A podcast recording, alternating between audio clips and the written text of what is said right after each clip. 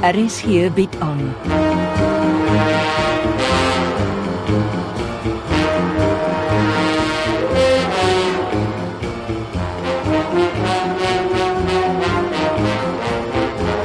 Agendas deur Jo Kleinhans.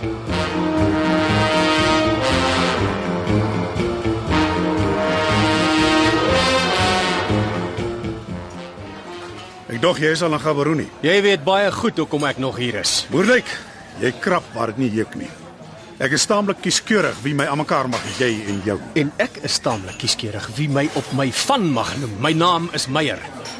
Meier, as jy nie nou jou ry kry sodat ek my koffie in vrede kan geniet nie, roep ek die restaurantbestuurder. Roep hom. Ek bel die polisie. Ek is sommer lus en open 'n saak van saakbeskadiging teen jou. En ek een van rusverstoring. Loop gooi jou vloermoer op 'n ander plek. Weet jy wat kos 'n motorband? Nie uit my kop nie, maar as dit jou in die pad sal kry, kan ek dit gou vir jou uitvind. Jy kan nie my motorbande stik en steek en maak of dit niks is nie, meneer De Jager. Ag so. Nou het jy bewyse.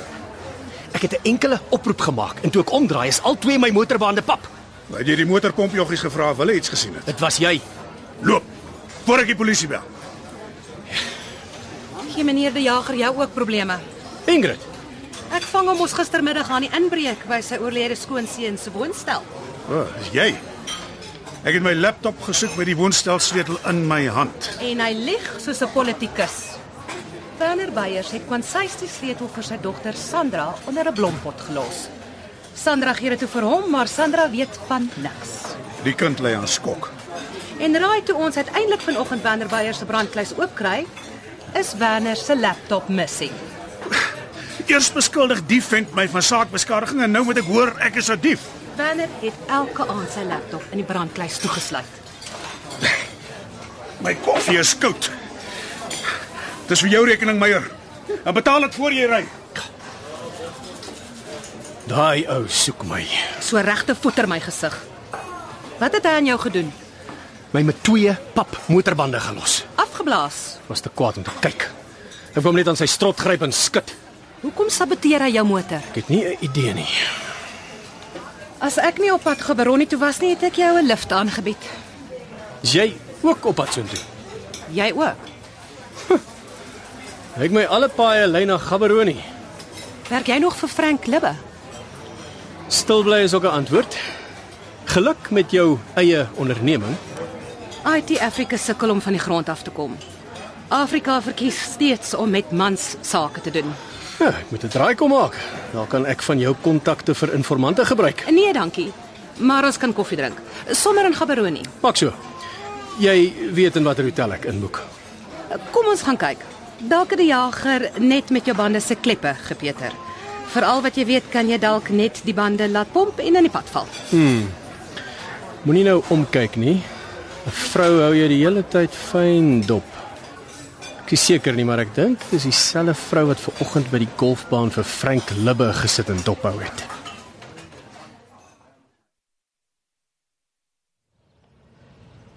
En uh, hoe het jy in jou pa se woonstel gekom? Die kaptein het my toestemming gegee en die sleutels. Ek dog hulle is nog besig met hulle ondersoek. Sy woonstel is nie die moordtoneel nie. Dan weet jy. Die kaptein het my gesê 'n moorddossier gaan waarskynlik geopen word. My pa se vingerafdruk was nie op die revolver waarmee hy geskiet is nie. Ek het gehoor. Hoekom het my pa van stres ingekonk? Laat ek raai. Jy het sopas Debbie Libbe aangehaal. Wanneer het dit gebeur? Jou pa was 3 maande gelede in 'n psigiatriese hospitaal. Hoekom? Is dit regtig nou die tyd om daaroor te praat? Nou is altyd die regte tyd vir die waarheid. Wie se waarheid? Dis beslis nie nou die tyd vir slim stories nie. Die blote feit dat jy nie daarvan weet nie, sê my hy wou jou nie met onnodige inligting opsaal nie. Ek wag. Jou pa se lewe was kompleks. Vertel my iets wat ek nie weet nie. Persoonlik dink ek jou pa het nooit jou ma se dood verwerk nie. Wat was die groot stres in my pa se lewe? Hy het jou gemis. Huh, en nou gaan jy my seker probeer wys maak alles is my skuld. Hy moes baie in Afrika reis, hy het dit gehaat. Jou pa was baie alleen, dit het hom soms dom dinge laat doen. Dom. Susan, Drink, voeter met vrouens, soos Debbie Libbe. het hulle 'n ding aan die gang gehad. Jou pa het nie in affairs geglo nie. Jou ma was die enigste liefde in sy lewe. En hoe sal jy weet? Omdat ek een van die vroue is wat eens op 'n tyd gehoop het hy kan van jou ma vergeet. Ek sien. Hoe ernstig was Debbie en my pa se verhouding? Debbie Libbe was net nog 'n flink vir jou pa. Daar was nooit sprake van 'n verhouding nie. Weet Frank Libbe van sy vrou se danigheid met my pa? Volgens my inligting werk Frank Libbe vir die staatsveiligheidsagentskap. Hy is 'n spioen van beroep. Natuurlik weet hy van sy vrou se dinge. Dink jy dit het hom so ontstel dat hy sou moer daaroor? Nee, Jy vra die verkeerde mense. Ek is versigtig vir hoorsê stories. Wat het jy van Frank Libbe gehoor? Hy vat nie nonsens nie. As ek moet gaan op wat ek hoor, dink ek nie hy sal selfmoord nie. Maar hy ken baie mense wat dit vir hom sal doen.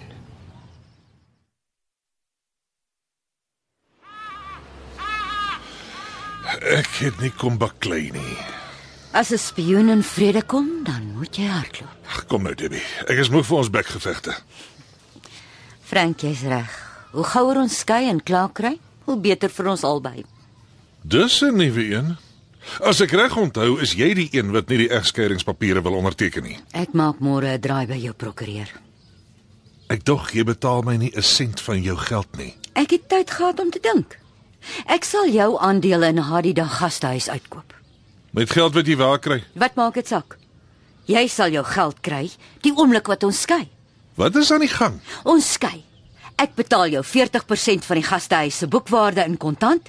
Elkeen gaan sy eie pad oor en uit. Gister skel jy my nog oor my onredelikheid en vandag is alles honkedorrie. Wat het tussen gister en vandag gebeur? Ek wil aangaan met my lewe, Frank. Ah, ek is bly ons begin dieselfde taal praat. Kan ek jou twee fotos wys van 'n vrou?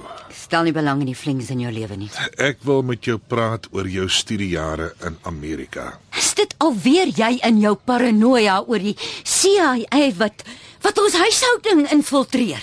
Kyk asseblief na die fotos. Dis gemeen. Nee nee nee wag. Eh, Vergeet van Werner Beyers. Kyk na die vrou saam met wie hy so lekker sit en drink. Ken jy haar? Hoekom sal ek haar ken? Sy's 'n Amerikaner. Ek het gewonder of jy haar nie van uit jou studente daar kan onthou nie. Ons praat van meer as 10 jaar gelede. Wel hierdie vrou werk langer as 10 jaar vir die Amerikaners. Dink aan die Amerikaanse konsulaat in Sandton waar jy al jou reëlings vir jou Amerikaanse studies getref het. Sy reguit vraag, ken jy haar? Nee, Frank. Ek het jou gesê ek ken haar nie. Weet jy dat Beyers vermoor is?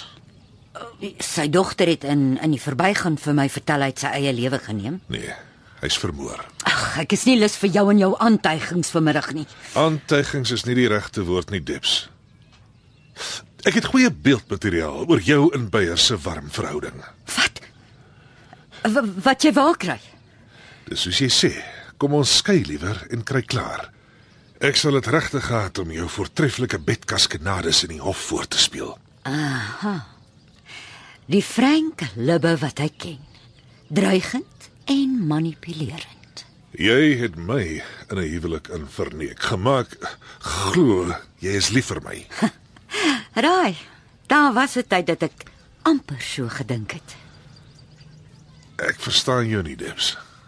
Die afgelope 3 maande sukkel ek my as af om my 40% uit jou uit te wurg. Ek het gedink jy sal dit gou betaal en skei om by Beyers te wees, maar verflaks of jy wil kop gee. Maar nou dat hy vermoor is, wil jy skielik skei. Hoe werk jou kop? Is eenvoudig. Ek wil nie dieselfde pad as Werner Beyers loop nie. Sê jy ek het jou minnaar vermoor. Jy is tot enigiets in staat, Frank. Ek teken môre die egskeidingsdokument. Los my dan net in vrede.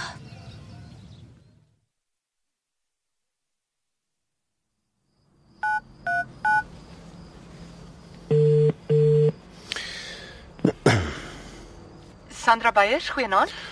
Meyer Moerduytjie, kan ons 'n paar minute praat? Ons het niks om vir mekaar te sê nie. Wag, wag, wag, wag. Jou oupa het my vertel dis moord en nie selfdood nie. Eh, Ek is baie jammer. Wanneer het jy met my oupa gepraat? Ons is saam in dieselfde hotel in Gaborone. In Botswana. Ja. Om een of ander rede kruis ons paaie aan mekaar. Werk hy nog? My oupa se boeke is duister. Net hy weet waarmee hy hom besig hou. Huh. En leef jou ouma nog? Wat 'n baie vrae is dit. Jy moet my verskoon, ek het 'n begrafnis om te reël. Kan jy die polisiekaptein se nommer vir my op my sel stuur asseblief? Hoekom? Ek wil haar kontak. Reël dat ek 'n verklaring aflê sodra ek terug is in Pretoria. Is jy seker? Moord is nie grappies nie. Ek wil nie jy moet 'n verdagte in die kaptein se swart boekie word net omdat ek nie 'n verklaring aflê nie. Is ek veronderstel om dankbaar te wees omdat jy nou ewe skielik 'n gewete ontwikkel? Koffie sal lekker wees. Daar's niks fout met jou hande nie, maak dit self. Ek stuur die kontakbesonderhede. Jy moet my verskoon, meneer Moerdijk. Ja. Jy het gesoek haar voor Moerdijk. Sandra Beyers gaan nie met haar laat mors nie. nou, toe nou. Dis mos Jasper die Jager se motor wat daar by die hotel ek uitry. Mooi. Tyd om in sy kamer te gaan krap. Ek wil weet waarmee hou jy jou besig? Oupa.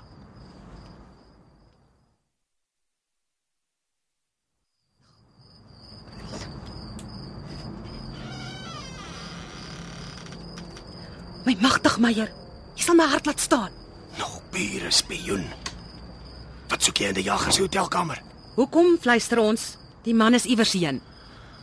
En toe verbeel jy jou jy werk nog vir die staatsveiligheidsagentskap en breek sommer in. Ek vertrou nie die vent nie. Hoe lank ken jy hom? Ek het hom gister vir die eerste keer in my lewe gesien. En verder weet jy nie veel van hom nie. Niks.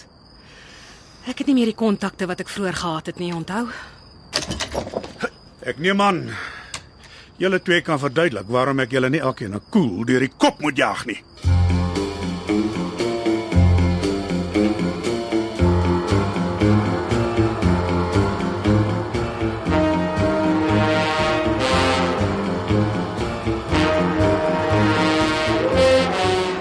Agendas word geskryf deur Jo Kleinhans. Die rolverdeling is: Meyer, Henri Gerst, Frank, Anton Dekker, Jasper, Richard van der Westhuizen, Matilda, Isidora Verwy, Debbie, Sulet Thompson, Sandra, Christine Forendyk en Ingrid Hendrin Martens. Skalk Foster en Evert Snyman Junior is die tegniese span. Agendas word opgevoer deur Betty Kemp.